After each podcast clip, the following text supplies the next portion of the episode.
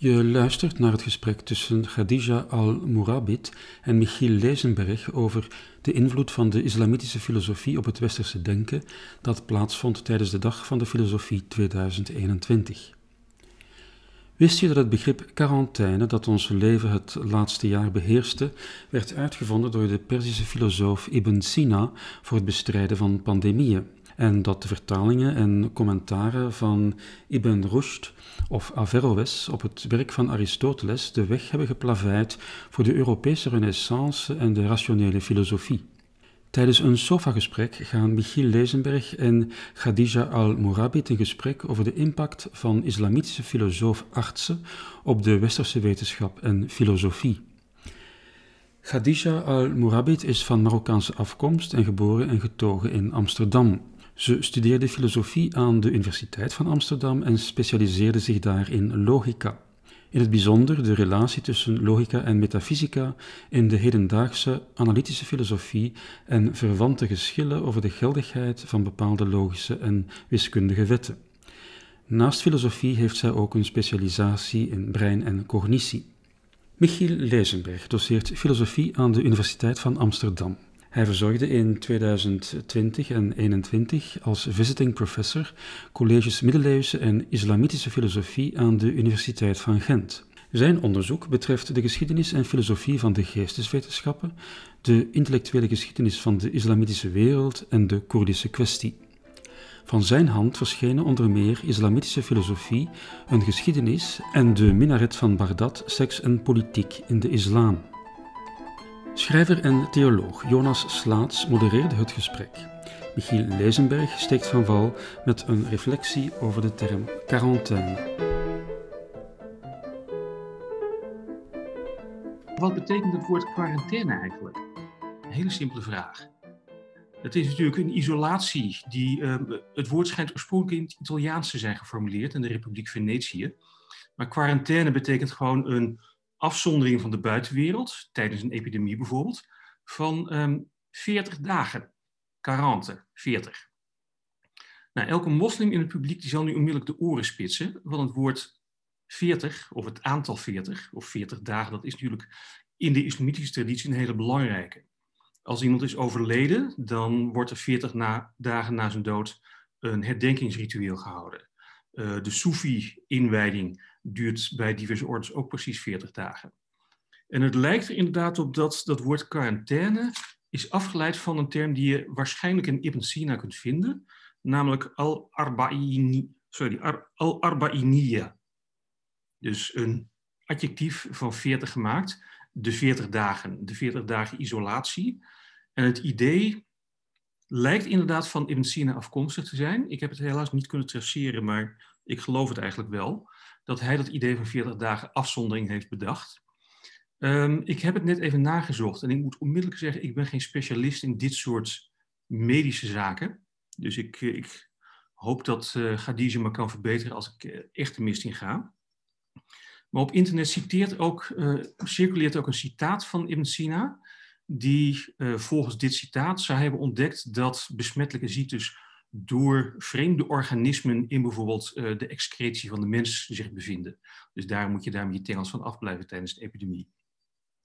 Nou, als dat zo zou zijn, dan zou Avicenna, de grote 11e eeuwse islamitische arts, inderdaad niet alleen de quarantaine, maar ook het idee van micro-organismen, oftewel bacillen dan wel uh, virussen, hebben uitgevonden.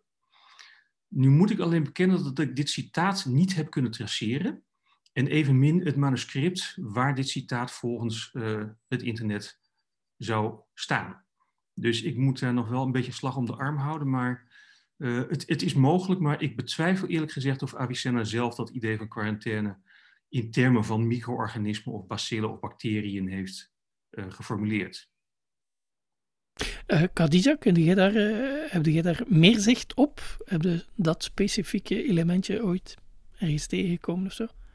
Helaas niet. Ik weet ook niet of het uit zijn uh, Kanun de kanon van de geneeskunde, kanon van de geneeskunde komt.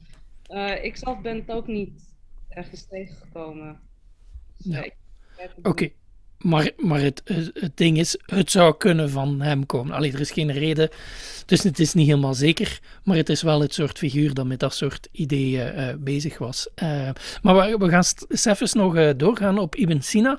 Maar ik herinner me, Michiel, dat jij in de voorbereiding van de avond ook hebt iets gezegd over een verband tussen lockdown en zwarte dood. En dus voordat we naar Ibn Sina gaan en, en even gewoon het thema schetsen binnen hetgeen waar we al ja. een jaar en langer mee bezig zijn. Wat, wat was nu weer dat verband? En, is daar ook een link met het thema van vanavond? Uh, nou, ik, ik zou hopen van wel, dus ik zal proberen er eentje te verzinnen als die niet echt bestaat.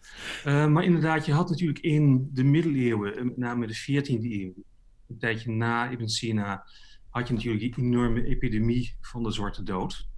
Maar ook daarvoor al had je natuurlijk in de grote steden geregeld besmettelijke ziektes. Um, daar werd meestal niet in termen van bacteriën over gedacht, maar in termen van de lucht die vuil is. Dus als er bijvoorbeeld ergens malaria heerste, wij weten dat het in moerasgebieden is waar insecten in het water hun eitjes leggen enzovoort. Maar uh, in de klassieke medische wetenschap was het idee, in moerasgebieden is de lucht vervuild met water. En daardoor uh, kunnen ziektes ontstaan. Nou, dat, Avicenna en andere islamitische artsen hebben dit soort verhalen wel uh, gedacht. En die hebben ook hele uitgebreide klinische observaties gedaan over allerlei soorten ziektes. Um, ik denk dat niemand in dit gezelschap, een heel eind daarbuiten, überhaupt dat beroemde encyclopedische werk van hem gelezen heeft. Zoals Khadija zei, de, de Kanon fi Tub, dus de kanon van de medicijnen. Uh, dat boek telt ook ongeveer een miljoen woorden, dus daar ben je niet zo mee klaar. Maar ik heb nog een andere leestip. Um, er is een jaar of 25 geleden een Nederlandse vertaling van een korte samenvatting van zijn medische kennis gepubliceerd. Uh, die is nu officieel niet meer in de handel, maar um, hij zal nog wel antiquarisch krijgen zijn. Het Leerdicht der Geneeskunst. Hij had een soort van samenvatting van zijn hoofdwerk op rijm voor zijn studenten geschreven. En dat maakt het natuurlijk makkelijker om het uh, uit het hoofd te leren. En er staan allemaal prachtige tips in over hoe je aderlatingen verricht, hoe, hoe, je um, allerlei gezwellen uit het lichaam kunt wegsnijden, hoe urine hoort te ruiken en nog meer van, van dat soort dingen.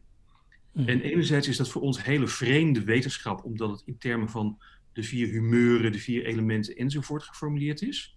Maar tegelijkertijd is het ook op hele uitgebreide klinische observatie gebaseerd. Dus het is echt serieuze wetenschap in dat opzicht. Ja. En het rijdt ook.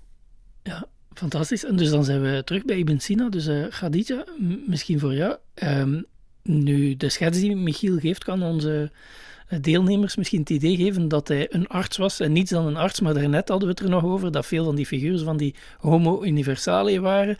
Dus ook hij was, was een hele hoop uh, dingen, zal ik maar zeggen. Dus hoe, hoe, moeten we die breder kaderen, die Ibn Sina, dat, dat voor iedereen duidelijk is wat voor soort figuur dat dat ongeveer was? Hij was iemand die in zijn biografie een hele interessante manier over zichzelf schreef. Uh, dat, dat het bijna ridicuul is, dat moet ik er wel even bij zeggen. Dat hij zei van, nou ja, toen ik tien jaar was, toen kende ik de Koran van begin tot eind uh, helemaal uit mijn hoofd. En dat hij uh, een bepaalde leermeester had. En dat hij die leermeester, waar hij dan wiskunde van had geleerd, of in ieder geval rekenen, al lang voorbij was gestreefd in zijn jonge jaren. Dus er zit wel een, ja, ik weet niet of het waar is, of hij echt zo'n uh, hoogintelligent genie was. Um, maar volgens zijn biografie uh, was hij uh, zeer bijzonder. Maar wat wel feitelijk zo is, is dat hij wel veel meer was dan alleen um, een arts of iemand die, nou hij schreef, hij um, was ook iemand die heel veel wist over poëzie en volgens mij heel veel over astronomie, geografie, uh, islamitische theologie en geologie, mathematica en ook logica wist hij heel veel van. En in die tijd had je nog de alchemie. En de alchemie was toen ook nog een, een hele serieuze wetenschap. En daar wist hij ook, dat deed hij ook heel veel mee. Um, en, en op wat voor vlakken heeft hij allemaal impact gehad? Is dat dan all the way? En tot hoever ging die impact precies? Uh, nou, in ieder geval sowieso qua de medische wereld, of in ieder geval ook hier in Europa, had hij heel veel invloed. Uh, met dat boek wat we net hiervoor noemden, Michiel ook, die Qanun al-Tib. uh, kanon van de geneeskunde. Dat is tot de 17e eeuw gebruikt op veel Europese universiteiten. Het was echt het uh, basiswerk waaruit je moest leren. En ik, ja, Avicenna, Avicenna had, had ook het idee dat medicijn is de manier waarop wij het menselijk lichaam en de gezondheid ervan leren kennen. En als het niet gezond is, dan ben je verloren. Uh, en als je dus verloren bent, kan je altijd nog teruggebracht worden naar een bepaalde gezondheid. Dus hij zag ook de, ja, dat, dat medicijnen, dat gezondheid, dat dat een, bijna tot een soort kunstvorm had die het verheft, als ik het zo lees. Um, mm -hmm. Ja, en hij, maar hij, hij werd ook heel erg beïnvloed natuurlijk vanuit dat theologische idee, vanuit de islam. Dat het heel erg belangrijk is dat je heel erg goed voor je gezondheid zorgt. Dat is echt, dat zit een grondslag aan zijn ja nou ja, praktijk, als je het zo wil noemen. Ja, dus in de islamitische theologie was uh, een, een, drijfveer ook voor zijn wetenschappelijk onderzoek en zo. Maar um, Michiel, juist omdat een islamitisch theoloog was, de invloed van Avicenna in zijn kanon, eh, want uh, ook in Europa werd die gebruikt, maar wat moeten we ons daar precies bij voorstellen? Was dat dan, sommige mensen hadden die gelezen en daar een paar ideeën uitgehaald, of was dat ook hier een kanon voor in de universiteiten van die tijd?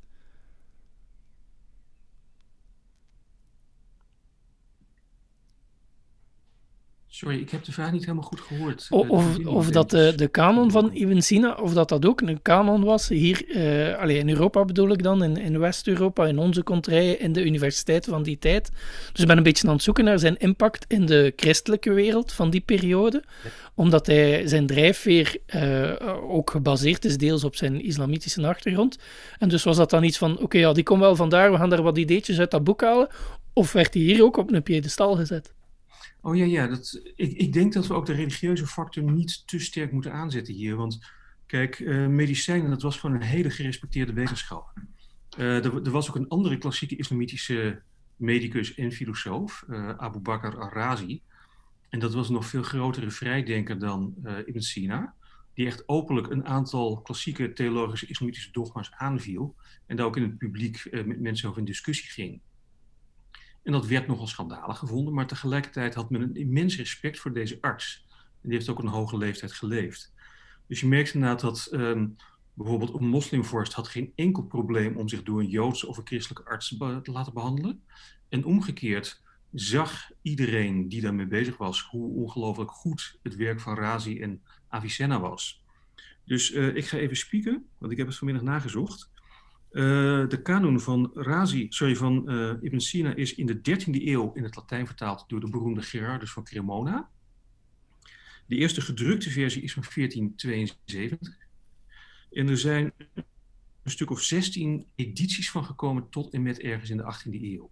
Dus dat geeft wel aan hoe grondig dat werk was. Het is een heel encyclopedisch werk op algemene Aristotelische en Hippocratische principes gebaseerd. Dus het gaat indirect terug tot de antieke Griekse medicijnen maar veel uitgebreider in de empirie en de observatie en de klinische arbeid uh, gefundeerd. Ook een boek van Razi, een andere, als die andere arts. Uh, dat is een soort van compilatie van aantekeningen uit de kliniek. En ook dat was blijkbaar zo nuttig. Dat is in 1279 eh, vertaald door een Joodse vertaler in een Siciliaans hof. Dus je merkt dat Spanje en Sicilië echt de grote bemiddelaars waren in dit proces. En ook dat boek is in de late 15e eeuw gedrukt. Dus je merkt inderdaad de, de achtergrond in die middeleeuws of in de klassieke Griekse medische wetenschap is heel sterk, maar hij werd veel verder verfijnd.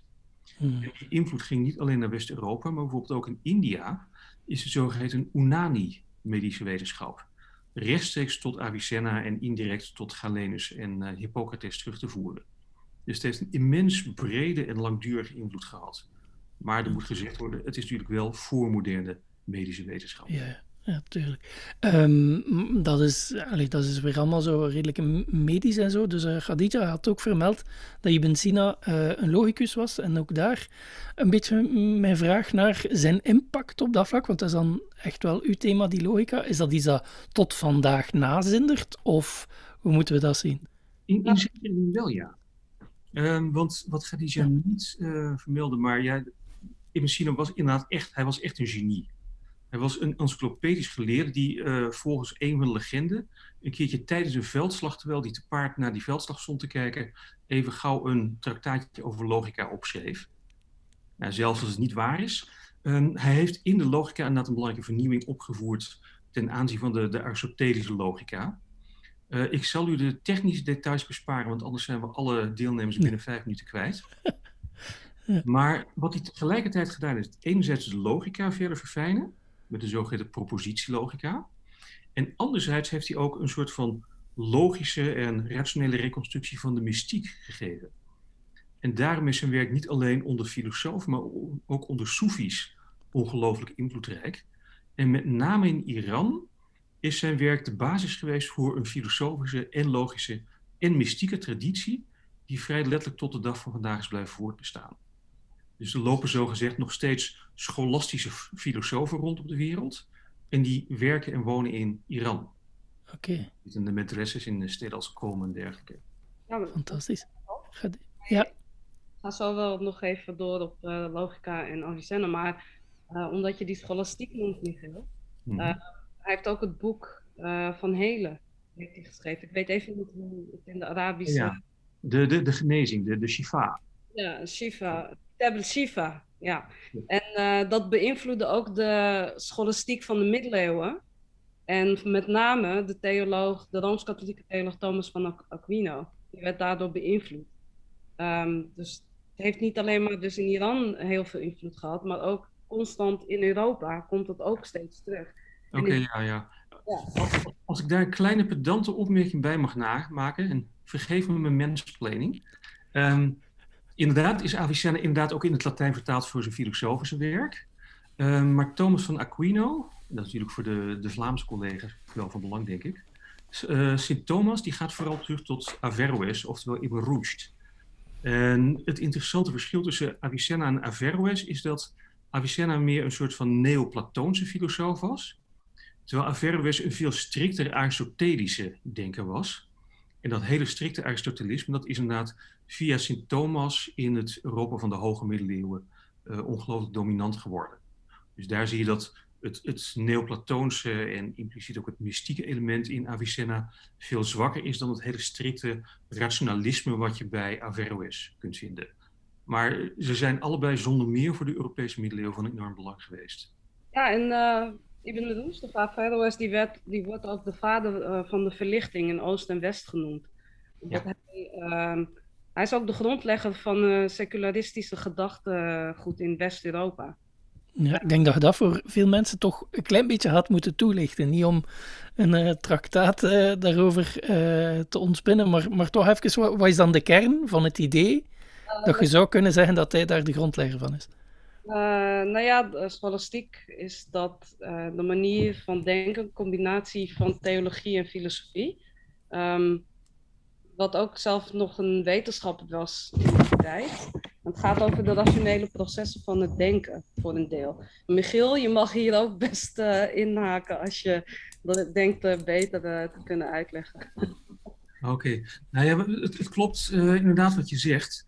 Um, er is, Averroes is een, een vrij unieke filosoof, omdat hij niet alleen en filosoof en arts was. Dat was een hele normale combinatie.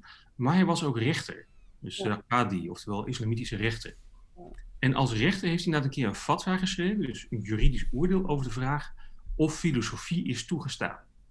Dus of het gebruik van de filosofische reden eigenlijk wel mag volgens het geloof. Nou, het, het goede nieuws is, hij zei, het mag niet alleen, het moet zelfs. Ja. Maar daar voegt hij onmiddellijk aan toe, um, alleen de opgeleide mensen mogen een filosofie doen. En voor de ongeletterde massa's moet filosofie juist verboden worden. Dus, uh, Best elitair als je het zo. Uh... Ja, absoluut. Uh, dus zaken zoals de Maand van de Filosofie of Filosofie Magazine of filosofiecursus voor de leken, daar had hij van gegruwd. Ja. En je merkt inderdaad in de, de voormoderne traditie, en niet alleen in de islam, maar ook, ook bijvoorbeeld bij Sint Thomas en bij West-Europese filosofen tot en met Spinoza. Daar zie je dat hele strikte verschil tussen de ongeletterde massa, voor wie het geloof is, en de geletterde elites, dus de, de filosofen of de, de schriftgeleerden. En die zijn in staat om filosofische argumenten te snappen en uh, daarmee niet in ongewilde ketterij te vervallen. En dat strikte onderscheid tussen massa en elite, dat begint in Europa eigenlijk pas na de 18e eeuw serieus te veranderen. Dus je ziet er zelfs in Immanuel Kant nog sporen van. Mm. Ja, wat ik heel mooi vind, dus ja, de verlichting is inderdaad wel een beetje een, eh, een elitair verschijnsel, mag je wel zeggen. Wil je nog uh, iets zeggen, Jonas? Nee, nee, nee, doe maar, doe maar. Ja, iets. Ja. Wat ik heel erg mooi vind van uh, Ibn Rushd of Erdoes is dat uh, hij heel erg open stond op kritiek op de islam en dat hij de islam wilde vernieuwen. En dat wilde hij in overeenstemming brengen met de filosofie van Aristoteles. En bij hem stond het denken van de reden, dat stond heel erg centraal. Dat stond zelfs boven uh, welke andere theologische verklaring dan ook. Vandaar ook dat die Aristoteliaanse logica heel erg belangrijk was. En niet alleen maar bij Averroes. Die was ook heel erg belangrijk, omdat het gelinkt werd aan de islam. Het werd gelinkt aan, uh, nou ja, als je rechter was, had je het sowieso nodig. Maar ook dat vanuit de logica uh, theologie werd gekoppeld om eigenlijk tot, om ook zelfs te praten over of je, en ik heb dit ook nog zelfs van Michiel geleerd, of God zelfs bestaat of niet. En hoe je dat zou kunnen bewijzen. Dat werd gewoon echt bediscussieerd. Mm misschien moet ik toch even de, de, de leraar spelen en een kleine correctie uh, doorvoeren voor mensen denken dat het allemaal verschrikkelijk ketterse dingen gaan zitten verkondigen. Um, er zijn inderdaad diverse godsbewijzen in de islamitische filosofie te vinden, um, maar die gaan natuurlijk vanzelfsprekend vanuit dat God bestaat. Dus mhm. echte atheïsten of ontkenners van alle religie, die zie je niet. Maar zoals Khadija wel terecht zegt, um, het opmerkelijke van deze klassieke islamitische filosofen, die vaak dus ook uh, artsen waren, is dat ze openlijk zeiden dat de filosofische reden en het gebruik van de Aristotelische logica, dat is superieur aan de religieuze openbaring van profetieën. En al de eerste grote islamitische filosoof Al-Farabi uit de, de 10e eeuw, die schrijft heel openlijk, de profetieën die zijn oké, maar dat zijn alleen maar een soort van vertalingen van filosofische waarheden voor het gewone volk. En daarom zijn ze minder precies en minder nauwkeurig en minder perfect dan die filosofische waarheden zelf. Maar ze zijn sociaal of laten we zeggen sociologisch wel van belang, omdat het gewone volk gewoon geen filosofie kan snappen. Dus je ziet inderdaad een, een heel welbewust en open verkondigen van ideeën die wij, zoals Khadija zei, secularistisch of verlicht zouden noemen. En die zie je al in de 10e, 11e eeuw van de islamitische wereld heel openlijk verkondigd worden. Ja, een beetje elitair inderdaad, gelijk dat je het zegt. Maar samen met dat elitaire hoort dan ook dat ze ja, ook letterlijk vaak tot elitekringen behoorden en dus uh, gesubsidieerd werden om onderzoek te doen door uh, de machthebbers van hun tijd en zo. Allee, vaak hoorde dat erbij. Nu, wat ik ermee naartoe wil, is... Er was een klasse van um, ja, leidende figuren en onderzoekers en wetenschappers aan het hof, laat ons maar zeggen. Maar dat houdt ook in dat er dus een, een laag van wetenschappers was... Uh, in de verschillende islamitische contexten van die tijd. En dat die dan ook echt aan onderzoek hebben gedaan. Hebt dat, Michiel hebt dat daarnet ook vermeld van oké, dat gaat terug op een aantal Griekse ideeën. En Aristoteles is meerdere malen gevallen bij de verschillende figuren die al vernoemd zijn. Maar vaak denken mensen um, in, in West-Europa over dat stuk van de geschiedenis alsof dat de Grieken alles hadden uitgevonden, dat de christenen waren gekomen, dat allemaal hadden weggevaagd omdat ze te dom waren om daar iets mee te doen, dat de islamieten die teksten hadden bewaard en toevallig vertaald, maar die gelijk een hete aardappel zo van het een hand in het ander smeten om het dan, hop, terug te geven aan de erfgenamen zijn de, Europeanen en dat die er dan mee verder gingen. Maar wat dat jullie eigenlijk komen te zeggen is dat er de ideeën die de Grieken hadden echt zijn verder uitgedacht, verder uitgebouwd en echt uh, groter gemaakt door die islamitische filosofen. Heb ik dan een beetje juist op en, en moeten we dan niet dringend ons geschiedenis herbekijken?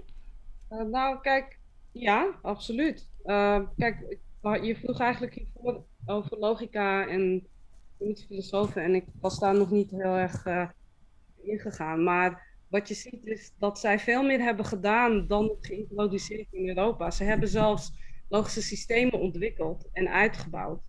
Uh, bijvoorbeeld, um, Avicenna die heeft een heel logisch systeem heeft hij ontwikkeld. Hij heeft het hele framework daarvan heeft hij bedacht. Maar sterker nog, hij heeft ook die Aristotelische logica veel, begrijpbaar, uh, veel meer begrijpbaar uitgelegd. En omdat hij dat heeft gedaan, is dat op een gegeven moment ook uh, op een manier hier terechtgekomen in, in Europa. En um, als je het hebt dan over die, die logica, die is heel erg belangrijk. Waar het ook mee begon bij de islamitische filosoof, is dat ze geïntrigeerd raakten. Uh, dat wat begon bij uh, el-Tusi. Die begon al met dat idee van de liars paradox. Dat is een logisch, een logisch paradox, een probleem. je hebt bijvoorbeeld de zin, deze zin is onwaar. En ik ga niet uitleggen hoe dat in elkaar steekt, want dan wordt het echt bijna onvolgbaar, denk ik. Maar uh, wat je ziet is dat die zin, als die waar is, dan kom je, in een, kom je in de problemen, want dan blijkt die onwaar te zijn. En ze probeerden daar een oplossing voor te vinden. En dit begon al in de 9e en 10e eeuw. De theologen van de Kalem-traditie, die waren er al mee bezig. Uh, ze noemen het ook de, het is de principle of bivalence. En dat bivalentie heeft te maken met is iets, iets is waar of het is onwaar. Maar het kan niet tegelijkertijd waar of onwaar zijn. Hè?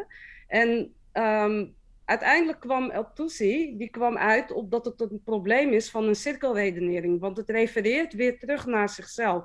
En dus moeten we als oplossing uh, verbieden dat we uh, stellingen kunnen hebben die naar zichzelf verwijzen. Maar daar werd weer over bediscussieerd. Ook zelfs na de 11e eeuw was er heel veel aandacht in de islamitische wereld hierover. Uh, dat dit niet de oplossing is.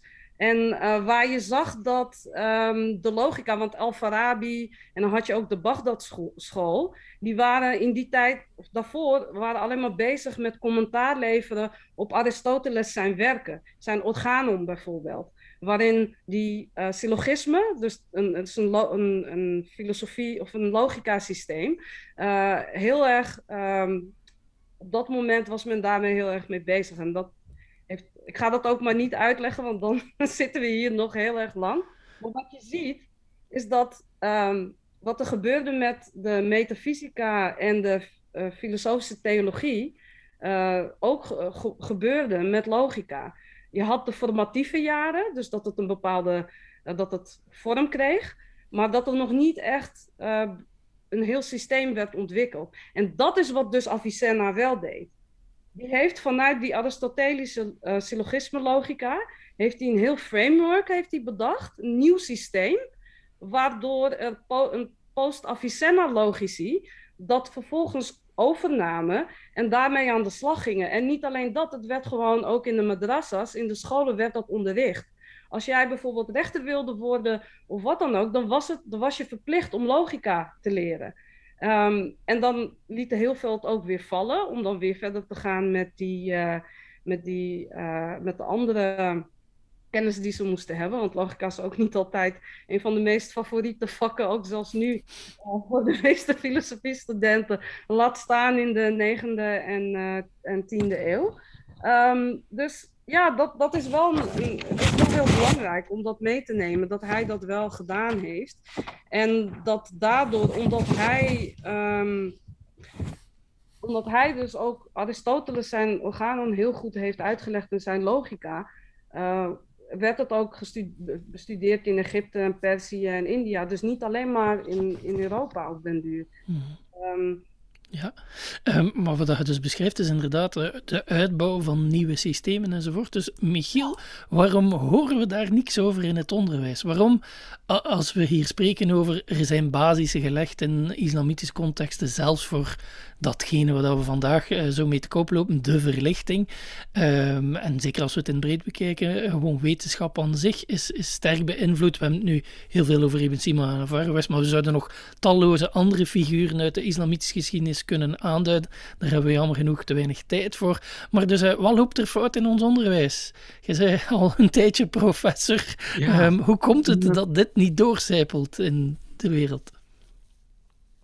Ik, ik, ik, moet bekennen dat ik er eigenlijk sinds uh, de publicatie van dat uh, boek van mij over islamitische filosofie eigenlijk over na zit te denken. Want um, Enerzijds is het gewoon al jaren bekend dat, uh, zo ze niks anders waren, hebben in ieder geval islamitische filosofen een enorme rol gespeeld om met name het werk van Aristoteles voor de West-Europese wereld van de hoge middeleeuwen toegankelijk te maken. Hoewel dat, zoals Khadija ook benadrukt, dat was natuurlijk niet hun doel. Want ze hebben nooit het idee gehad, we gaan de, de Europeanen of de christenen lekker aan, aan logica helpen. Ze waren gewoon voor zichzelf bezig. Maar uh, ik denk dat er meerdere factoren spelen. Om te beginnen het feit dat um, het academische vak filosofie um, vanaf ongeveer zijn, zijn vorming omstreeks 1800 altijd per definitie westers is geweest. Dus uh, voor zover men dacht aan Indiaanse en Chinese en andere niet-westerse filosofische tradities, die werden niet meer in de nieuwe faculteit filosofie, maar in de faculteiten van godsdienstwetenschappen en literatuur en um, filologie bestudeerd. Dus er werd dan gezegd, ja, dat is geen echte filosofie, dat is hooguit wijsheid. Um, en tegelijkertijd merk je natuurlijk dat uh, in de 19e eeuw het idee dat moslims überhaupt iets konden bijdragen aan de moderne wereld steeds meer op de achtergrond raakte.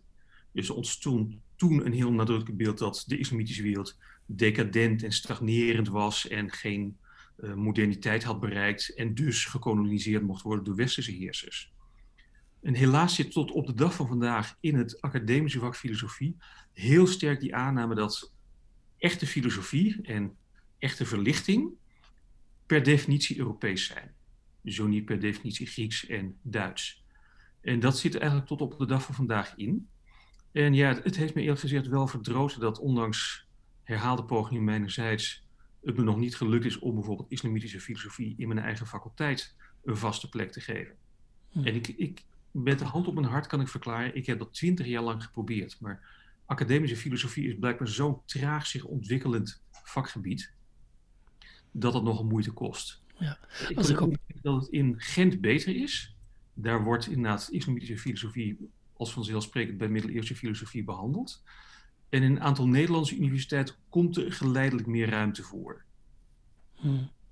Um, als ik op één ding mag inpikken, zo dat idee van die stagnatie. Want dat is ook iets dat uh, sterk leeft. En dan misschien sommige mensen die hier deelnemen ook wel hebben van, ja, je bent wel bezig over middeleeuwse filosofen en middeleeuwse wetenschappers, maar is het dan niet zo dat uh, na die figuren de islam effectief gaan stagneren is? En meestal wordt er dan bij gedacht, het probleem is dan ook, ze bleven te religieus, ze durfden geen verdere stappen zetten. Wat zouden jullie daarop antwoorden, op dat soort idee dat vermoedelijk bij redelijk wat mensen leeft?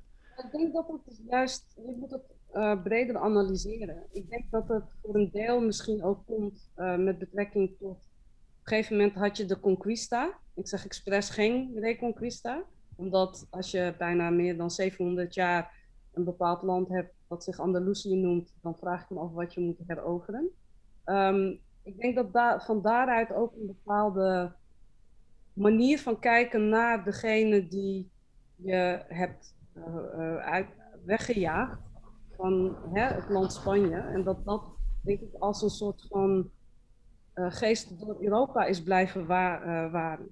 Dat, dat dat niet zo werd geaccepteerd, dat je dat meer moest afwijzen. Je ziet het heel erg in de Spaanse cultuur ook. Hè? Dus dat de nadruk op dat varkensvlees eten, vooral uh, veel wijn drinken. En, en alweer als je in, in de tijd dat, um, ja, dat, dat die, die conquista zich plaatsvond, als je dan een moslim tegenkwam, dan, uh, dan was je de pineut. Ik denk dat dat voor een deel misschien ook nog wel is blijven hangen. Maar tegelijkertijd is dit ook een vraag, vraagstuk met betrekking tot een, een vorm van decolonisatie. Ja, dus het, het kanon, dus filosofie met betrekking tot Kant, tot Hegel, um, kan je niet zien hè, vanuit die Duitse traditie waar wij het op hebben gebouwd kan je het niet loszien van de ideeën die ze ook hadden. Ik bedoel, Hegel had hele problematische ideeën wat gangbaar was in die tijd, maar nog steeds problematisch over bijvoorbeeld Afrika. dat je Noordelijk Afrika hebt en, het, en, het, en Afrika onder de Sahara, dus de proper Africa en uh, Afrika wat, wat eigenlijk en dat, wat niet veel geproduceerd heeft. Hè? En er werd op een hele racistische manier ook over gesproken. Kant had dat ook dit zijn dingen die kan je niet loszien daarvan. Ik heb ook heel vaak meegekregen van, weet je, we kijken naar een bepaald deel van hun filosofie. En dat is wel belangrijk. Maar ik heb niet zoiets van dat je het helemaal los kan zien van elkaar. En hmm. in dat geval denk ik dat er nog bij filosofie, en dan vooral met name als ik het heb over filosofie waar we het nu over hebben, ik heb altijd gezegd, noem het westerse filosofie in plaats van alleen maar filosofie, want je hebt zoveel verschillende soorten filosofieën. Uh, niet westerse vergelijkende wijsbegrip. Ik was al heel blij dat ik dat vak bij Michiel kon volgen. Um, dus daar moet nog echt, daar, daar is men wel al mee bezig.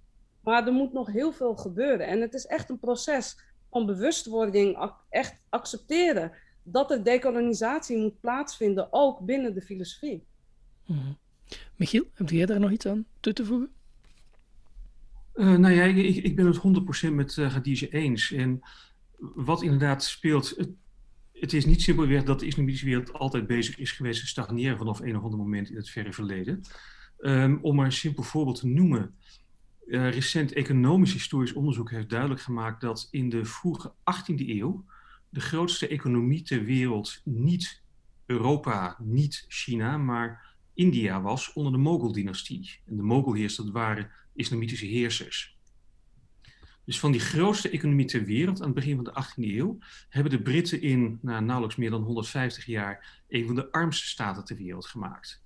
Uh, afgezien natuurlijk van het feit dat onder de, de de rijkdom natuurlijk vrij ongelijk verdeeld was. Diplomatiek uitgedrukt, maar het was echt een welvarende, bloeiende economie. Interessant genoeg zie je dat ook in diezelfde periode in India onder die islamitische heerschappij van de moguls, er gebeurden ook hele fascinerende dingen op filosofisch gebied. Want je ziet dat bijvoorbeeld in die tijd al het werk van Descartes in de 17e eeuw in het Perzisch is vertaald, wat de hoftaal van de moguls was. je ziet hele interessante kruisbestuivingen tussen noem het Vedische of Hindoeïstische religieuze ideeën en Soefi-ideeën. Op het niveau van het volksgeloof, maar ook op het niveau van de, de religieuze geleerdheid. Dus er zijn er hele interessante dingen gebeurd, maar een van de belangrijke factoren die daar verandering heeft gebracht, is niet de opkomende westerse economische en later politieke macht. Um, maar ik zou niet um, het kolonialisme als de enige factor hier willen aanmerken. Wat je ook, en dan met name het voormalige Osmaanse Rijk ziet, dat is wat nu de Arabische landen en Turkije en dat soort gebieden zijn, ook de, de, de Zuid-Europese staten van de Balkan. Je merkt dat daar in de 18e en 19e eeuw allerlei nationale bewegingen op beginnen te komen. En in die nationale bewegingen wordt al heel gauw de vraag gesteld: wat is er met ons misgegaan? Dus die vraag: wat is er misgegaan met de islamitische wereld? werd eerst onder islamitische volkeren ook gesteld. En het interessante is dat je in de late 19e eeuw, Khadija mag me corrigeren als ik uh, te lelijke dingen zeg, maar je ziet dat er over en weer tussen Turken en Arabieren nieuwe soorten rivaliteiten ontstaan.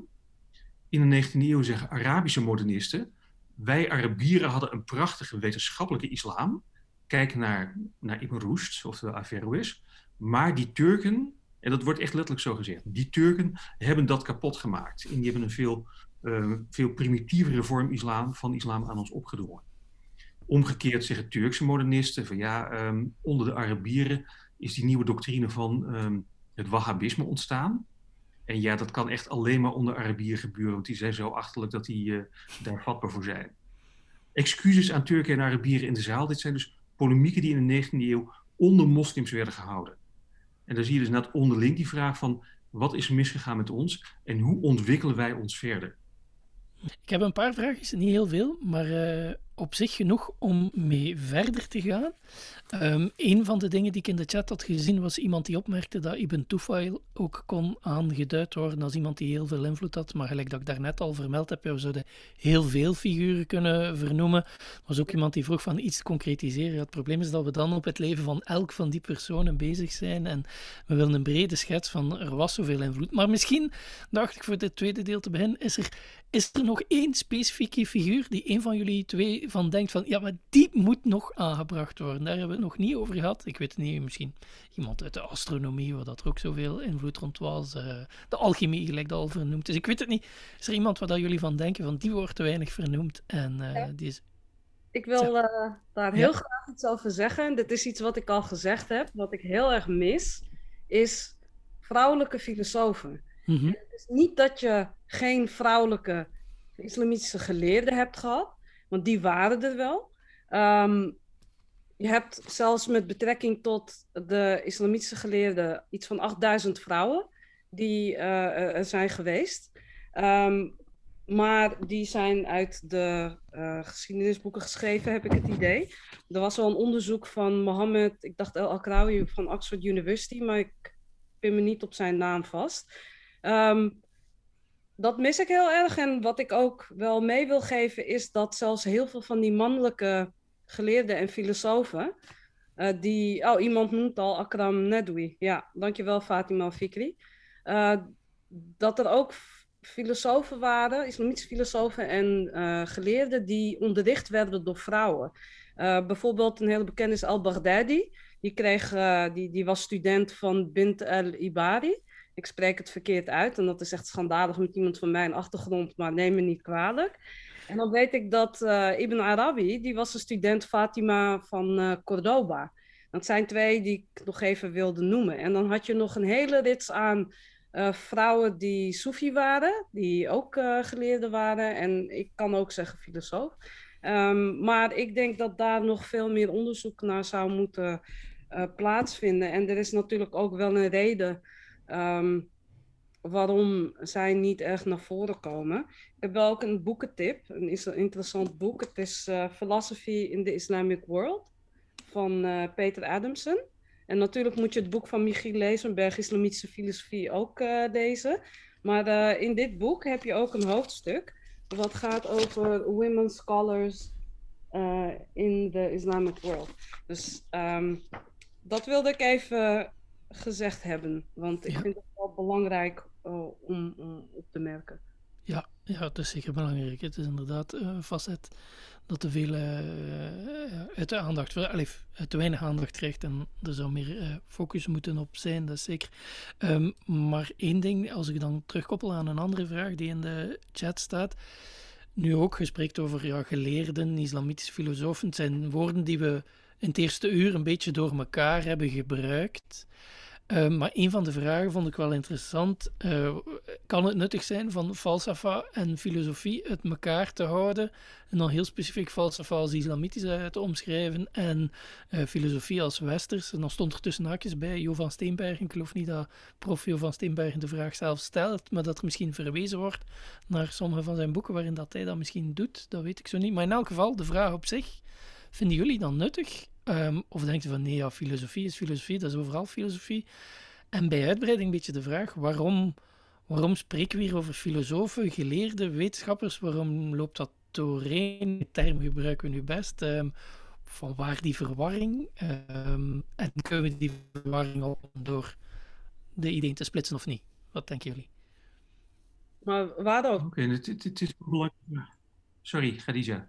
Ja, allereerst een vraag hoor, Michiel. Dan kan je... Maar waarover is de verwarring precies? Maar ik weet niet of dat er verwarring is, maar omdat jullie het doorheen gebruiken. Als ik de, de vraag concreet naar u stel. Um, als je over geleerden of filosofen spreekt, wanneer gebruikt de filosoof, wanneer gebruikt de geleerde? Of is dat eigenlijk gewoon, zijn diezelfde figuren en we gebruiken die termen wat doorheen, maar eigenlijk gaat het over dezelfde figuren die met een beetje van alles bezig waren. Is dat het? Ik, ik denk dat, er is waarschijnlijk wel een, een substantiële verwarring mogelijk hier. Uh, en die zie je ook bij islamitische auteurs in de middeleeuwen. Uh, om te beginnen klopt de vraag volkomen in zoverre uh, de islamitische filosofie die we kennen, die staat echt met beide voeten in de Griekse antieke voor-christelijke traditie. En dat wordt ook zonder enige terughoudendheid onderkend. Dus alle islamitische filosofen betalen echt een grote lippedienst aan Aristoteles en zeggen dit was een, echt de, de, de allergrootste meester voor ons allemaal. Oké, okay, Razi weer niet, maar dat is zo'n eigenwijs figuur, die, die, heeft op alles een afwijkende mening. Maar uh, er is geen enkele moeite om te onderkennen dat, er, dat uh, die filosofische inzichten uit de, de Griekse traditie komen. Maar uh, de vraag klopt ook in zoverre dat felsefe, dus het Arabische woord wat van filosofia is afgeleid, dat duidt niet zozeer op één vakgebied, laat staan op een academische discipline zoals wij die kennen. Felsefe, dat is tegelijkertijd ook um, globaal het, het geheel van de, de, de, wetenschappen die op die Griekse abstracte principes van de, de Aristotelische zijn gebaseerd. Um, dus er wordt over Felsefe in een bredere zin gesproken. Die omvat niet alleen vakken zoals wij zouden noemen, laten zeggen, metafysica, uh, kentheorie enzovoort. Maar daar behoren dan eigenlijk ook vakken als medicijn, wiskunde. Uh, er, wordt in die Arabische teksten ook wel gesproken over de zogeheten antieke wetenschappen of de, de rationele wetenschappen, als onderscheiden van de Arabische of traditionele wetenschappen. En dat zijn de wetenschappen van Koran-exegese of uh, jurisprudentie, theologie enzovoort. En het interessante is, dat heeft Khadija er straks ook gezegd, er is niet zozeer een tegenstelling tussen filosofische reden enerzijds en religieuze openbaring anderzijds. Wat je in deze discussies veel sterker ziet, is een discussie tussen, laten we zeggen, twee soorten van wetenschap. Een wetenschap die op Aristotelische principes stoelen en syllogistiek gebruiken, dus de, de, de, de rationele antieke wetenschappen, en de Arabische of traditionele wetenschappen die meer ja, methoden van redeneren gebruiken die meer tot de Koran en andere tradities. De tegenstelling daartussen is niet absoluut en ze beginnen ook steeds meer met elkaar te, te versmelten op een gegeven moment. In westerse filosofie is eigenlijk inderdaad volkomen misleidend.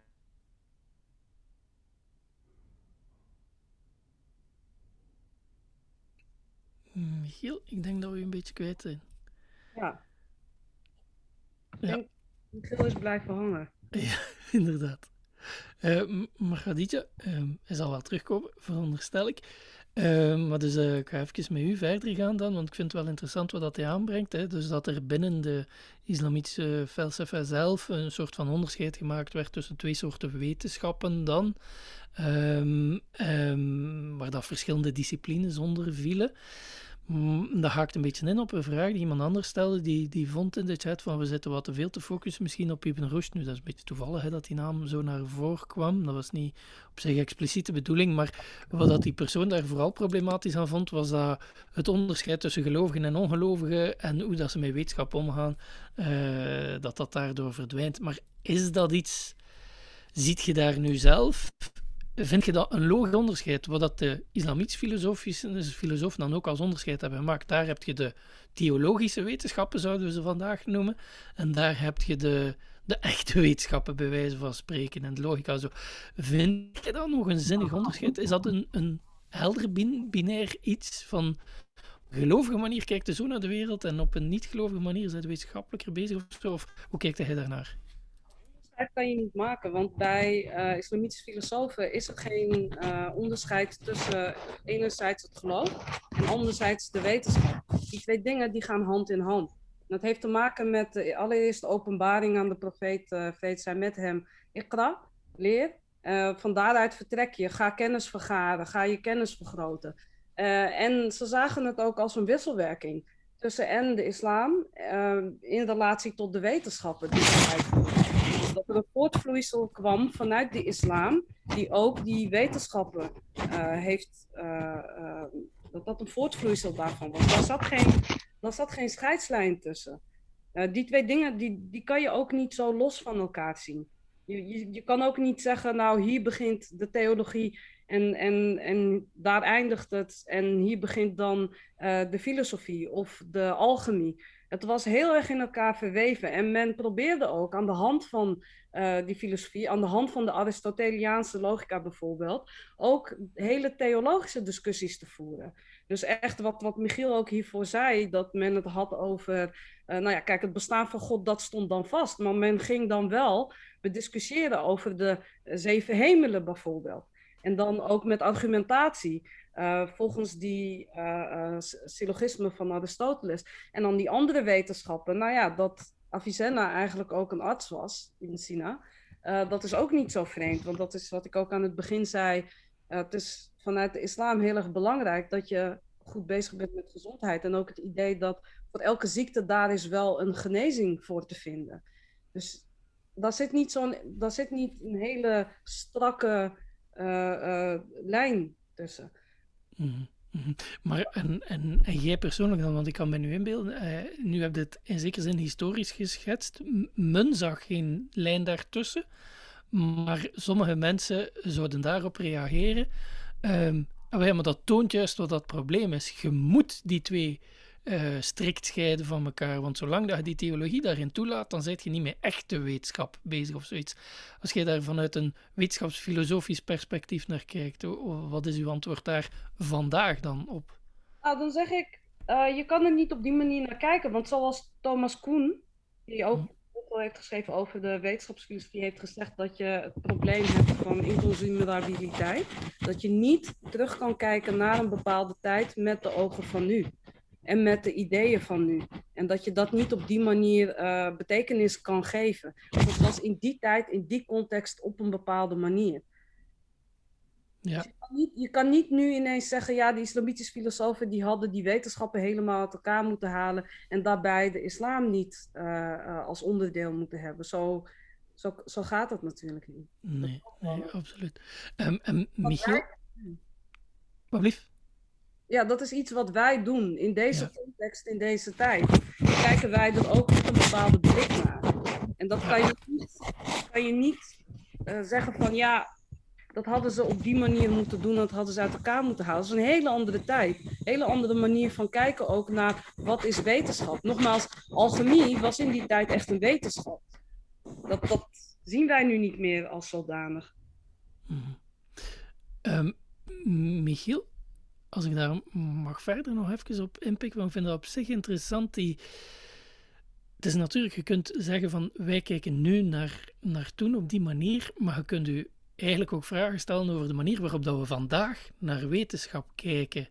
Um, het is te zeggen, we doen nu, eh, want ook de titel van, van de event van vanavond was de invloed van islamitische filosofie op westerse wetenschappen, alsof dat er zoiets zou bestaan. Of bestaat er zoiets? Of omdat veel mensen het gevoel hebben, de wetenschap, dat is helder en duidelijk en rationeel.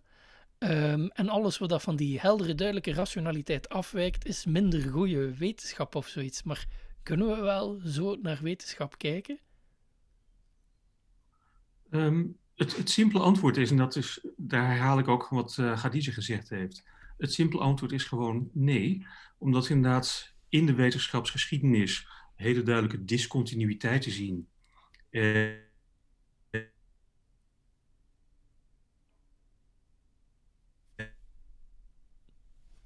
en maar domweg geen recht.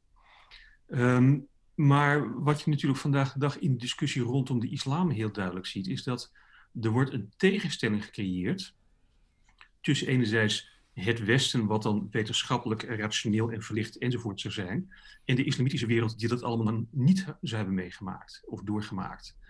En dat cliché, dat is um, het feit dat er überhaupt een wetenschappelijke en filosofische traditie in de klassieke islam heeft bestaan.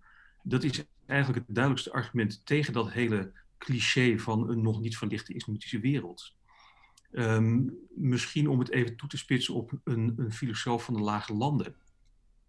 Uh, sinds het werk van Jonathan Israel wordt bijvoorbeeld Spinoza als het boegbeeld van de, de echte, radicale, mooie, vrouwvriendelijke, democratische, antikoloniale enzovoort verlichting voorgesteld. Um, het is een heel aantrekkelijk beeld, uh, zeker voor, voor Hollanders. Maar um, Spinoza wordt er veel moderner voorgesteld dan hij eigenlijk was. En wat er met name ontbreekt aan dat beeld van Spinoza als een radicale verlichter, is het feit dat Spinoza aantoonbaar centrale ideeën van zijn werk aan een middeleeuwse, islamitische, middeleeuwse Joodse filosoof, met name uh, Moses Maimonides, heeft ontleend. En Maimonides was een filosoof die midden in de islamitische wereld werkte en schreef. Maimonides, zijn belangrijkste boek heet de, de Gids voor de Verdoolden. Dat boek is niet in het Hebreeuws geschreven, maar in het Arabisch. Het hele vocabulaire van de, van de Joodse middeleeuwse filosofie komt rechtstreeks uit de islamitische Arabische filosofie. En via een figuur als Maimonides zie je ook heel duidelijk sporen van islamitische filosofen, ook bijvoorbeeld politiek, in het werk van Spinoza doorschemeren. Dus als je de Tractatus Theologica Politicus van Spinoza naast het werk van Maimonides en naast bijvoorbeeld Averroes of uh, Al-Farabi legt, dan zie je daar heel vergaande parallellen in. In de thematiek, in de vragen en in de conceptuele onderscheidingen. Dus die hele strikte tegenstelling tussen het verlichte Europa enerzijds en een niet verlichte islam anderzijds, die wordt eigenlijk gelooggesteld wanneer je serieus kijkt naar zowel de klassieke islamitische filosofie als de, de nalatenschap en de doorwerking daarvan in verlichte denkers zoals Spinoza en in allerlei andere natuurwetenschappers en medische wetenschappers enzovoort. Mm -hmm. Ik wil daar nog iets aan toevoegen. Ja, doe maar. Doe maar. Het hele idee van dat onderscheid van uh, wat is echt de harde wetenschap en uh, die natuur. Kijk, dat, dat de verlichting in Europa, dat is ook vanuit een hele patriarchale manier is, is dat ontstaan. Hè, die tegenstelling tussen uh, natuur, wat vrouwelijk is, wat onderworpen moet worden, en rationaliteit, wat mannelijk is en wat de reden is, et cetera. Dus je kan niet die vraag beantwoorden zonder deze context van een patriarchale uitleg van de verlichting erbij te halen. -hmm. Absoluut, wat, wat, dat dan weer aantoont, dat, dat ook dat beeld op wetenschap vandaag ook een ideologische insteek heeft.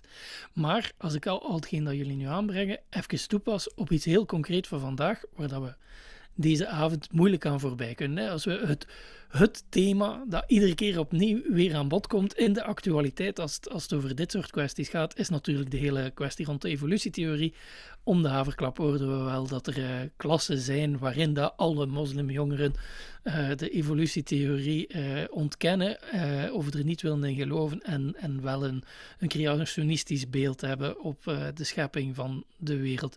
Nu, ehm, los van het feit dat die statistieken aan het veranderen zijn, dat dat veel minder wordt, ehm, dat, dat blijft zo iets dat altijd wel speelt. En dus dan kunnen sommige mensen tegen jullie vanavond misschien wel zeggen van oké, dat is allemaal mooi en wel dat er vroeger zoveel overlap was en je kunt daar filosofisch, wetenschappelijke of vanuit de wetenschapsfilosofie anders naar kijken, maar we zitten wel met dat concrete of die concrete issue.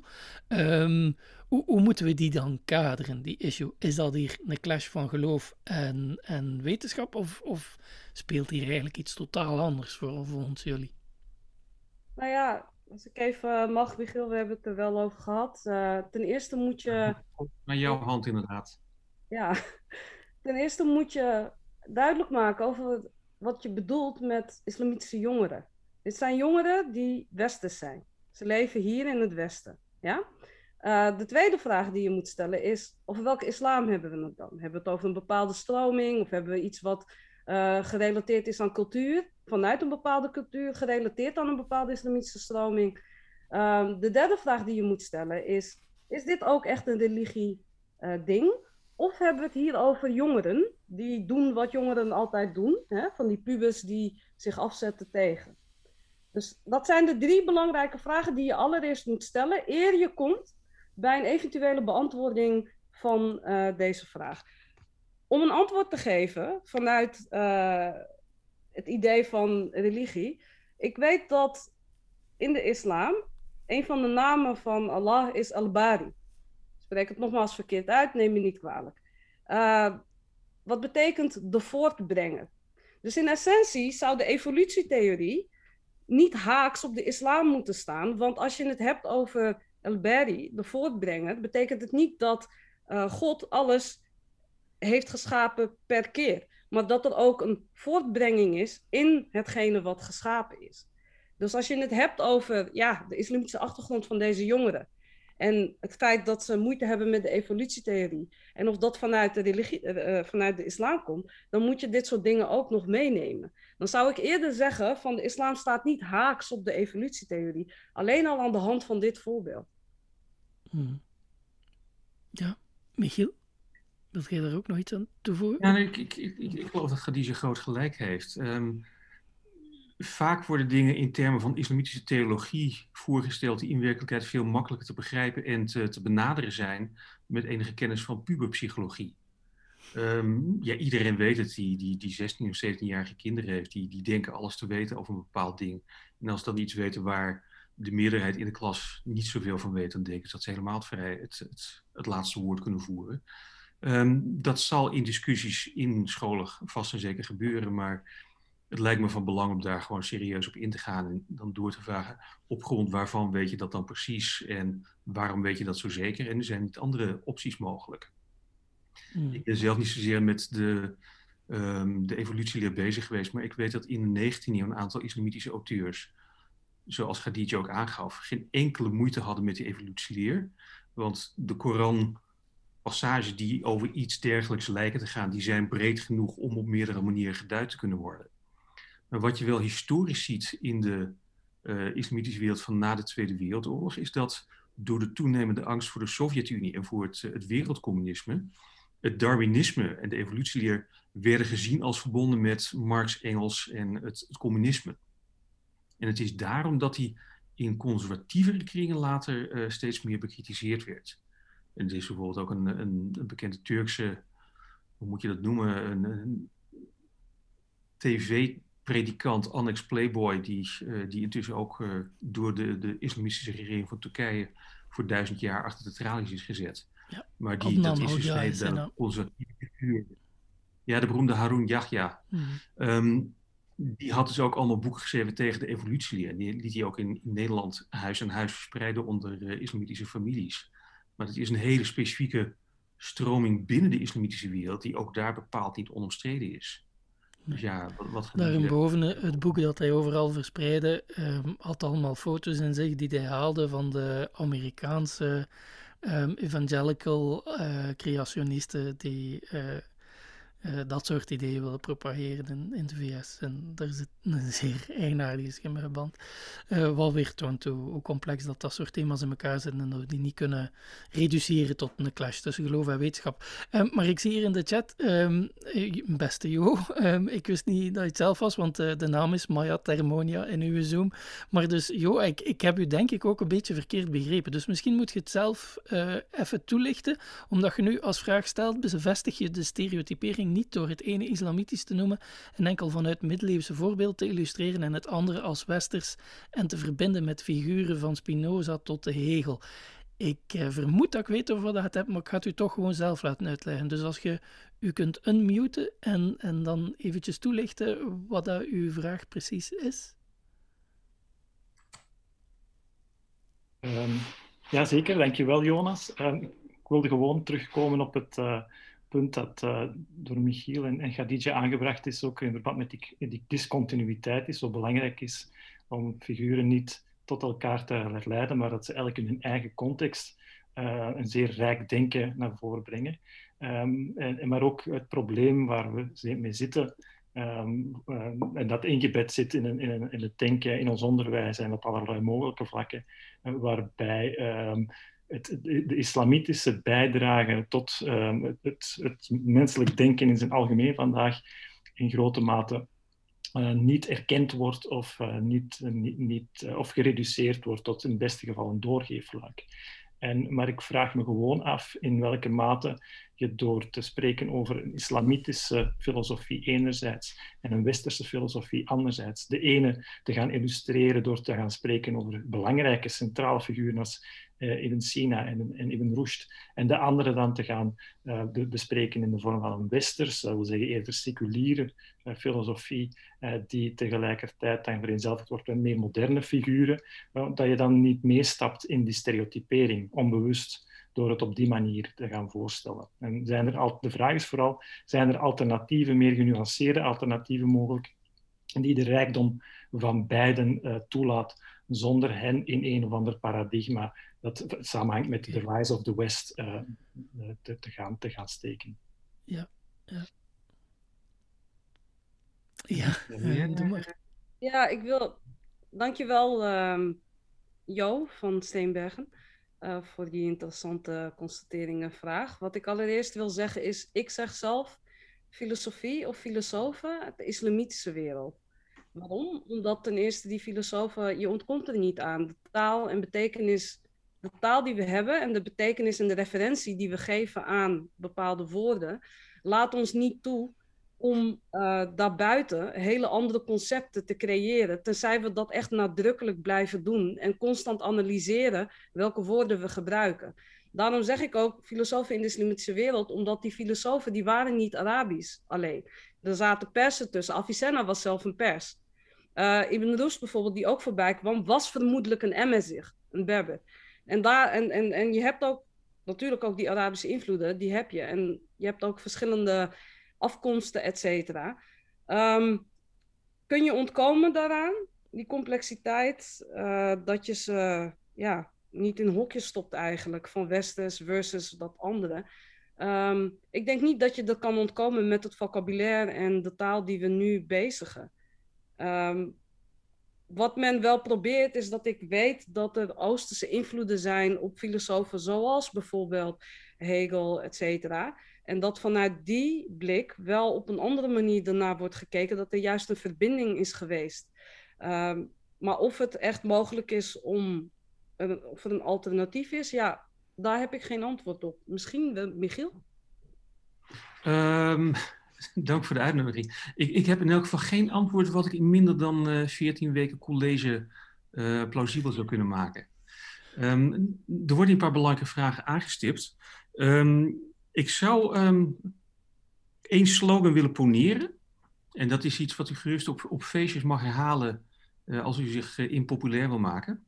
Um, je kunt openlijk zeggen dat een filosoof als Al-Farabi, dus die 10e eeuwse islamitische filosoof van, van Kazachse afkomst, dus uh, Borat is niet de enige filosoof uit Kazachstan.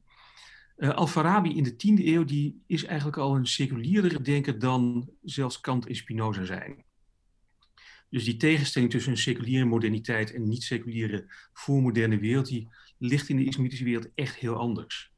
En dat heeft niet zozeer te maken met de theologie van islam of christendom, maar met name ook met de sociale organisatie het christendom is zowel in de orthodoxe als in de katholieke variant in de vorm van een kerk geïnstitutionaliseerd, met één persoon aan het hoofd daarvan, die orthodoxie uitmaakt. In de islamitische wereld is er nooit zo'n centraal gezag geweest. In theorie was er een tijdje de kalif, maar in de praktijk was het gewoon een soort van, uh, ja, hoe moet ik het netjes zeggen, iemand die in een chic paleis in Bagdad zat feest te vieren en door niemand serieus werd genomen. Dus dat idee van religieus gezag en daarmee verbonden kwesties van wat wij seculariteit zouden noemen, die waren domweg totaal anders gearticuleerd in de, de klassieke islam. Wat je wel ziet is dat um, die klassieke islam op een gegeven moment min of meer ten einde begint te komen. Uh, mijn eigen boek dat houdt ook in de 17e eeuw op. Maar dat verhaal stopt daar niet. Met name in Iran, zoals ik straks al zei. In Iran ontwikkelt die specifiek Iraans-islamitische en meer mystieke filosofie zich steeds verder. En vrij, vrij letterlijk tot op de dag van vandaag. Maar wat in de rest van de islamitische wereld is gebeurd, daar hebben we eigenlijk domweg niet goed zicht op. En dat hangt samen met dat stereotype wat Jonas en Khadija ook al aangestipt hebben. Het stereotype wat vanaf de 18e eeuw opkomt, eerst vanuit Europa, maar later ook door nationale bewegingen, dat de islamitische wereld vanaf een bepaald moment een periode van stagnatie zou hebben gekend en dat men zich daaruit moet losmaken. Uh, in mijn eigen academische onderzoek heb ik juist naar deze vroegmoderne periode gekeken en tot mijn verbazing ben ik er op een aantal hele interessante dynamieken gestuurd, die niet strikt filosofisch zijn, maar wel wetenschappelijk. Omdat er bijvoorbeeld in allerlei gebieden in het Osmaanse Rijk en in islamitisch India, daar zie je de opkomst van gesproken talen, en daar zie je voor het allereerst dat er ook een soort van taalkunde of grammatica van die gesproken dialecten wordt opgesteld. En tot en met de 17e eeuw bestond eigenlijk het idee dat geen enkele taal überhaupt een grammatica heeft, behalve het Arabisch. En dat zie je opeens in de 17e, 18e eeuw veranderen. Voor het eerst zie je ook grammatica's van het Perzisch geschreven worden, grammatica's van het Osmaanse Turks en van allerlei andere talen. Dus in de intellectuele geschiedenis van de islamitische wereld vlak voor de koloniale periode, daar gebeuren hele vreemde dingen. Maar we weten domweg niet goed wat er nou precies gaande is. Domweg omdat er te weinig onderzoek naar wordt gedaan. Omdat ja, wanneer je met de islam bezighoudt, is de neiging heel sterk om te kijken wat gebeurde er in de tijd van Mohammed. In de naïeve verwachting dat we daaruit het heden zouden kunnen verklaren. Of wat gebeurt er in het heden in de islamitische wereld vanuit de even naïeve opvatting dat je dat heden kunt verklaren vanuit een soort van essentie van de islam, zonder die enorme geschiedenis van 14 eeuwen en 1 miljard gelovigen mee te nemen. Dus ja, we, we hebben domweg nog heel veel werk te doen om te snappen hoe die wereld zich überhaupt ontwikkeld heeft. Het enige wat ik wel durf te zeggen, dat het stereotype van stagnatie en een nog niet verlichte islamitische wereld, daar klopt gewoon vrijwel niks van. Ja, um, ik ga toch even, bij u terugkomen als ik mag. Ik vraag me af of dat je daar zelf al pogingen tot alternatieven hebt gevonden. Oh, als je op je eigen vraag zou het antwoorden of niet, zit je daarmee vast. Want ik kan me inbeelden dat je wel geprobeerd hebt in je eigen werk. Misschien mag ik nog één opmerking ah maken. Want er zijn natuurlijk wel degelijk pogingen om um, tussen enerzijds het eurocentrische narratief en het, het anderzijds het, het apologetische verhaal van alles komt uit de islam, wat ook weer een beetje overdreven is. Ehm, je ziet op dit moment inderdaad in de geschiedschrijving, in uh, wat dan wel de, de echte geschiedenis wordt genoemd, zie je zogeheten poging tot uh, global history of interconnected history, waarin inderdaad grotere gehelen worden bekeken. Alleen zijn dat soort pogingen in de intellectuele geschiedenis en in de geschiedenis van de filosofie nog niet erg doorgedrongen. Dus dat, dat is een concreet punt waar we echt mooi en interessant en complex uitdagend werk te doen hebben voor de komende jaren. Ja. Wel, juist, juist daarom, omdat Jo, professor geschiedenis natuurlijk, en dat vind ik dan wel interessant. Is er zoiets vanuit de geschiedschrijving, de hedendaagse geschiedschrijving, die zou kunnen helpen om de intellectuele geschiedenis dan, eigenlijk dat Michiel het schetst, door de Dat is een vraag aan mij, Jonas. Ja, ja, ja, ja. Of dat je daar zelf misschien... Ik stel de vraag net omdat ik er zelf ook mee worstel. Oh, ik denk zelf aan mijn collega's met mij, maar ik ga volledig akkoord zowel met eh, de stelling van Khadija dat je beter spreekt over filosofie in de islamitische wereld, om de complexiteit en de enorme rijkdom aan stemmen daarin te, te laten doorklinken.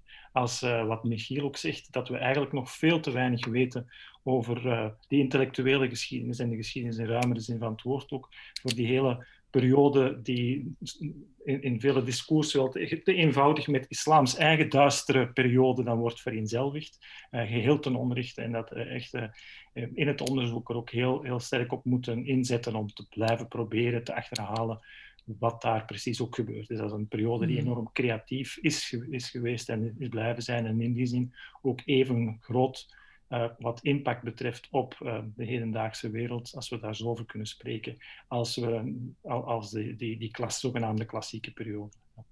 Ja. Ik heb nog even een toevoeging. Doe maar, Khadija. Ik denk dat het op verschillende vlakken ook begint met hoe praat je ook over uh, zaken? Hè? Kijk, uh, de taalfilosoof Saussure die zei ook, de, de, taal die een samenleving bezig geeft ook de, de leefwereld weer van die samenleving. En als wij dan hier, dan met hier bedoel ik natuurlijk hier waar wij nu zitten in Europa, met name Nederland, België hebben over welke traditie uh, hebben wij. En als we constant praten over de joods-christelijke traditie en niet de joods-islamitische christelijke traditie, ja, dan hebben we echt een enorme vlek waar we sowieso al mee beginnen. Dus ik denk dat, dat daar ook al heel veel winst uh, gemaakt kan worden. Um, wat heel erg belangrijk is. Net zoals bij de beïnvloeding van vrouwen op de wetenschap, ontdekkingen en wetenschappelijke onderzoeken die door vrouwen zijn gedaan, die uitges uitgeschreven zijn. Net als die 8000 vrouwelijke islamitische geleerden die we missen. Je moet beginnen bij de vraag van waaruit vertrek je precies? Met welk vocabulaire? Op wat voor manier praat je erover? Hmm. Ja, dat denk ik ook. Um, en dat alles brengt mij een beetje... Uh, bedankt jou voor, voor uw bijdrage. Um, en dat brengt mij ook een beetje tot de vraag van wat moeten we nu met alles wat al besproken is in de laatste uur en een half ondertussen waarschijnlijk. Um, Michiel, jij misschien eerst wat. Hoe kunnen we veel van wat dan nu gezegd is meer in de hoofden en harten van mensen krijgen? Ik vind de opmerking van Khadija heel terecht. Bijvoorbeeld, de joods-christelijke cultuur. Uh, als we al zo'n termen gaan gebruiken, dan zouden we beter joods-islamitisch-christelijke cultuur gaan gebruiken. Maar dat zie ik morgen nog niet gebeuren. Um, uh, want uh, de gemiddelde opiniemaker gaat dat niet doen, laat staan politicus. Dus um, als, als dat niet lukt, wat, wat, kunnen we wel doen volgens u? Nou ja, ik, ik, ik probeer, om met Gramsci te spreken, een, een optimist van de wil te blijven. Um, en ik ben wel zo'n zo beroepsgedeformeerd iemand dat ik blijf geloven in het nut van onderwijs. Um, mijn hoop is echt nog steeds, en ik, ik werk daar ook nog steeds aan, om in het filosofieonderwijs, eerst op de universiteiten, maar ook in de middelbare scholen, meer ruimte voor deze periode te maken. Omdat dommer ook voor de geschiedenis van de filosofie, zoals die toch kort uh, genoemd werd, is deze islamitische periode domweg van immens belang. En is van groter belang nog dan we denken, omdat, als gezegd, ook een filosoof als Spinoza zichtbaar sporen van deze islamitische traditie vertoont. En bijvoorbeeld de hele Joodse filosofie overduidelijk in deze islamitische traditie geworteld is. Dus ik denk dat als we in het onderwijs hier meer ruimte voor geven, en ook in de middelbare scholen, niet alleen het over islam als religie hebben, maar ook over islam als een beschaving, als een cultuursfeer waarin, waar we niet eens over gehad hebben, waarin immense rijke literatuur bestaat, die zich van letterlijk de Balkan tot en met Bangladesh ontspannen heeft, waar een enorme poëtische traditie is geweest, die tot de dag van vandaag doorwerkt. En niet steeds maar weer op dat fenomeen van theologie terugvallen. Maar ja, u heeft gelijk dat het politieke klimaat daar op dit moment niet zo uh, duidelijk voor is, of niet zo, uh, dat niet echt aanmoedigt. Maar daar moeten we ons zeker niet door laten ontmoedigen. Want kijk, we weten gewoon dat we gelijk hebben. Um, als je ook maar één blik op de reële islamitische geschiedenis werpt, dan zie je dat die veel complexer is dan al die stereotypen over de islam dit, de islam dat ons willen doen geloven. Nogmaals, het feit dat er überhaupt een wetenschappelijke en filosofische traditie in de islam aan te wijzen valt. Er zijn gewoon teksten die dat overduidelijk maken. Het feit dat die traditie bestaat, is al een heel sterk tegengif tegen al die onzin die er over de islam in de publieke opinie en de media te vinden absoluut. Um, termen uh, over deze enorm rijke geschiedenis blijven praten. Ja. Uh, zeker. Uh, Khadija, um, omdat Michiel het over onderwijs heeft en, en hoe dat we daar veel meer moeten in krijgen, heel specifiek over het hoger onderwijs en de academische wereld. En ik vraag dat een beetje omdat je daar net in mijn ogen zeer terecht hebt opgemerkt hoe dat bepaalde ideeën over wetenschap eigenlijk zeer patriarchaal zijn. Hè, zo de, natuur als de vrouw bij extensie of als het vrouwelijke. En dat is iets om te manipuleren. En de ratio zijn de het mannelijke, dat is hetgeen dat eh, enkel en alleen voorop moet staan enzovoort. Dus verder, we kunnen nog wel van dat soort uh, um, beelden of ideeën in de hedendaagse academische slash wetenschappelijke wereld opnoemen. Um, en dus vraag ik eigenlijk heel specifiek aan u, vanuit een soort kruispunt denken, jij als vrouw met iemand met culturele roots ergens anders, hoe kijkt jij naar de academische wereld en zit die niet geweldig vast ook? En, en hoe krijg je die los? Want want het is ook daar dat onderzoek voor een groot stuk eerst moet gebeuren, vooraleer dat in de tekstboekjes van het middelbaar en de lagere school gaat terechtkomen. Hè? Ja, ik uh, vraag me soms ook altijd af van, ik heb een biculturele achtergrond. Ik ben wel geboren en getogen in Amsterdam. En ik heb wat ze in de antropologie uh, noemen, you occupy a third space. Dus je zit niet in het ene, niet in het andere, in allebei. En tegelijkertijd zit je in een soort van derde uh, manier van zijn. Um, wat ik zie wat betreft uh, de diversificering, inclusief onderwijs, decolonisatie, daar is al heel veel over geschreven. Um, er wordt ook wel, uh, men poogt daar ook wel verandering in te brengen, maar we zijn er zeker nog lang niet. Um, blijkt toch wat lastiger te zijn. Uh, ook voor, voor, voor, voor mensen die zelf op de universiteit werken. Ik heb jaren geleden, toen ik op de UVA ook een tijd heb gewerkt, heb ik samen met anderen, zowel medewerkers van de UVA als studenten, uh, in een studentenvereniging gezeten, Amsterdam United, om die uh, verandering te proberen teweeg te brengen. En in het begin ja, is het heel lastig. Je krijgt heel veel tegenwerking. Men ziet er het belang niet van in. Mensen zijn gewoontedieren uh, willen meestal dat het blijft zoals het is.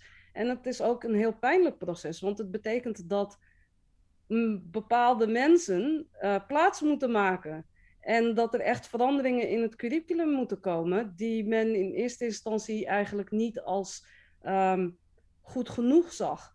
Maar dat is een proces wat erbij hoort. En ik denk dat het niet alleen maar op het vlak van de universiteiten en de academische wereld is, maar dat je echt moet beginnen vanaf het begin. Dat je eigenlijk al op de basisscholen moet beginnen. Dat je ook docenten bijvoorbeeld moet onderrichten in inclusief onderwijs, in veranderen van uh, bepaalde concepten in hun denken. Sommige dingen zijn ook onbewust.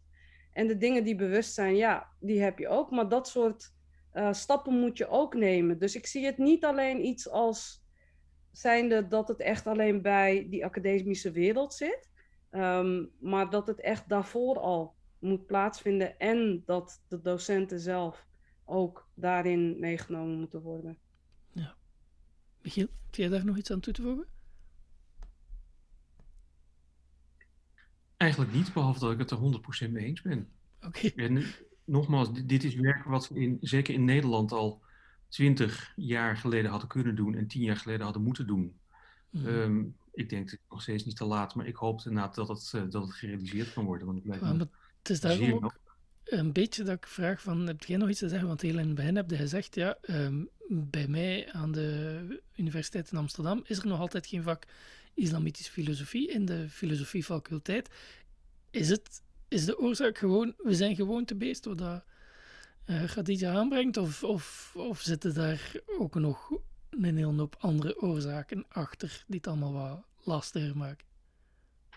Ehm, nou, ik, ik kan me beter niet te ver op de, de oorzaken ingaan, omdat ik altijd misschien mijn baan kwijtraak. Maar eh, nee, het, het is inderdaad een, een combinatie van institutionele traagheid, eh, onwil bij personen die in een positie van invloed zitten. En ja, eh, een soort wet van behoud van domheid. Nou, het vak filosofie is gewoon domweg op die eurocentrische wortels gegrondvest. Dus het, het, de aanname dat filosofie per definitie westers is, zit er heel diep in. Dus het idee dat er überhaupt serieuze filosofie in de Chinese, in de Indiaanse, in de boeddhistische traditie enzovoort zit. Dat kost echt enige moeite om te realiseren. Maar het, het positieve nieuws is dat juist door studenten, zoals destijds ook Khadija, studenten zaten erop aan te dringen dat ze toch echt wat meer aandacht aan dit soort tradities moeten besteden. En die bleven maar zeuren. En op een gegeven moment heeft toen de staf gezegd van ja, laten we even van het gezeur af zijn en dit vak maar invoeren. Mm. Dus het is echt vrij letterlijk aan het, het blijvend aandringen door studenten en met name ook door nieuwe generatie studenten die ook deels een, een migratieachtergrond hebben. Door die nieuwe stemmen wordt de, de urgentie hiervan zichtbaar gemaakt. En uh, wat dat betreft ben ik studenten zoals Khadija en haar generatiegenoten eeuwig dankbaar dat ze, dat ze nou ja, niet zozeer mij, maar dit, dit vak, dat duwtje in de rug hebben gegeven die het in Amsterdam zeker nodig had. Ja. Um, ik weer nog één vraag in de chat ik wil overgesprongen, die misschien ook wel past in dit verband. En de vraag zoals die er staat, ik ga die eerst voorlezen, is, is de verlichting niet juist ontstaan door het contact tussen christenen en islamieten? Nu, we hebben dat deels gehad, hè, de invloed van verschillende filosofen op de verlichting en op het denken uh, van West-Europa en zo. Maar ik zou het een beetje willen koppelen ook aan de vraag die Jo heeft aangebracht van en aan het is de filosofie als iets westers zien, wat dat op zich al problematisch is, en niet willen zien hoeveel um, filosofen er overal zijn geweest. En dus in die zin, dat concept, de verlichting, is ook zoiets dat heel sterk aan het Westen wordt gekoppeld.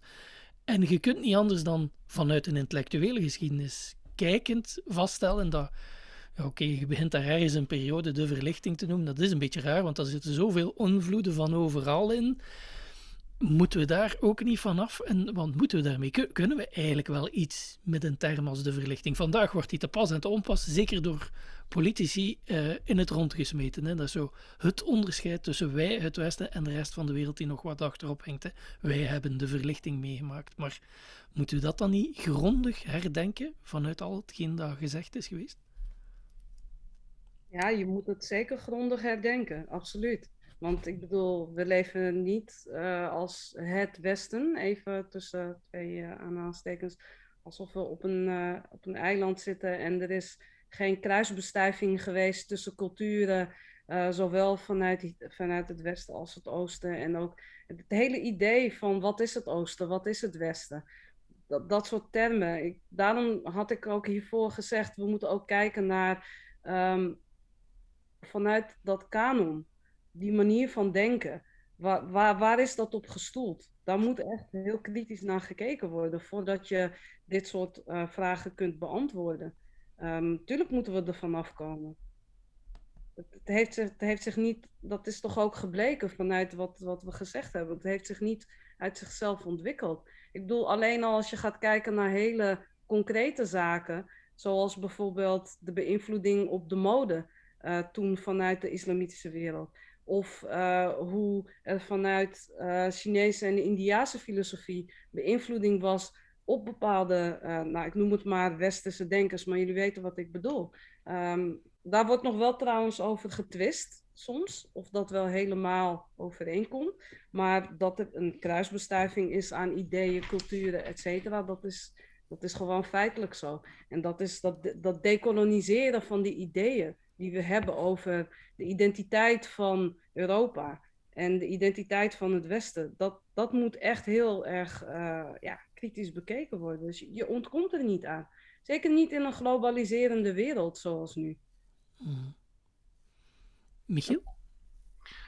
Ja, op, op, op het gevaar af uh, voor, voor een oude sok te worden versleten.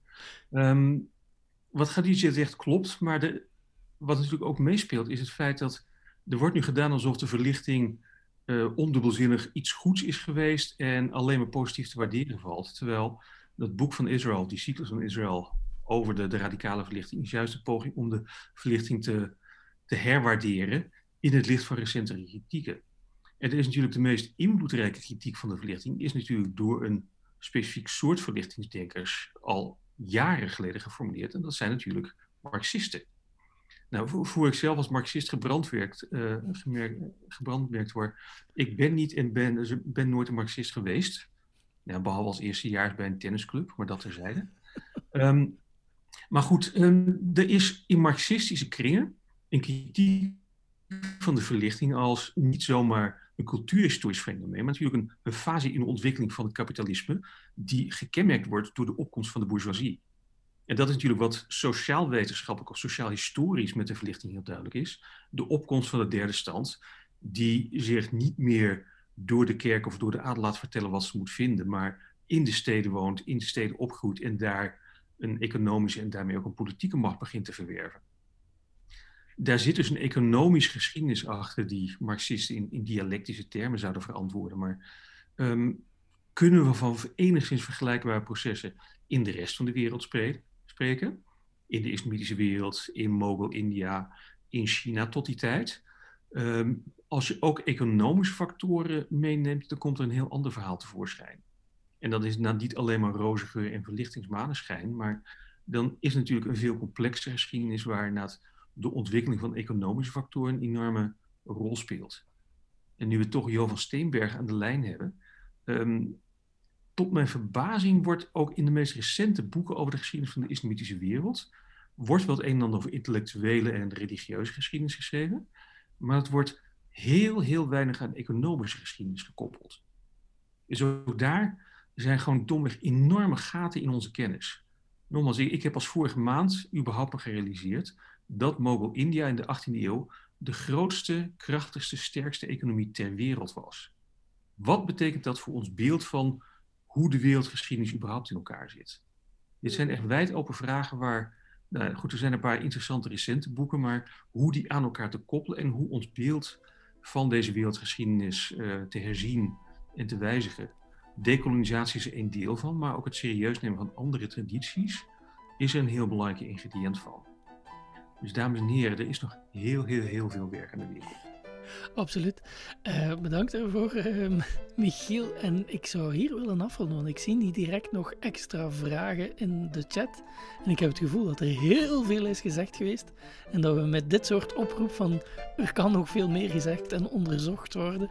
Uh, misschien, misschien een ideetje voor Voem en Avanza van ook een avond te doen over de invloed van islamitische denkers op de economie en het denken rond economie enzovoort. het kan ook nog een interessant zijn nu dat we wetenschap gehad hebben.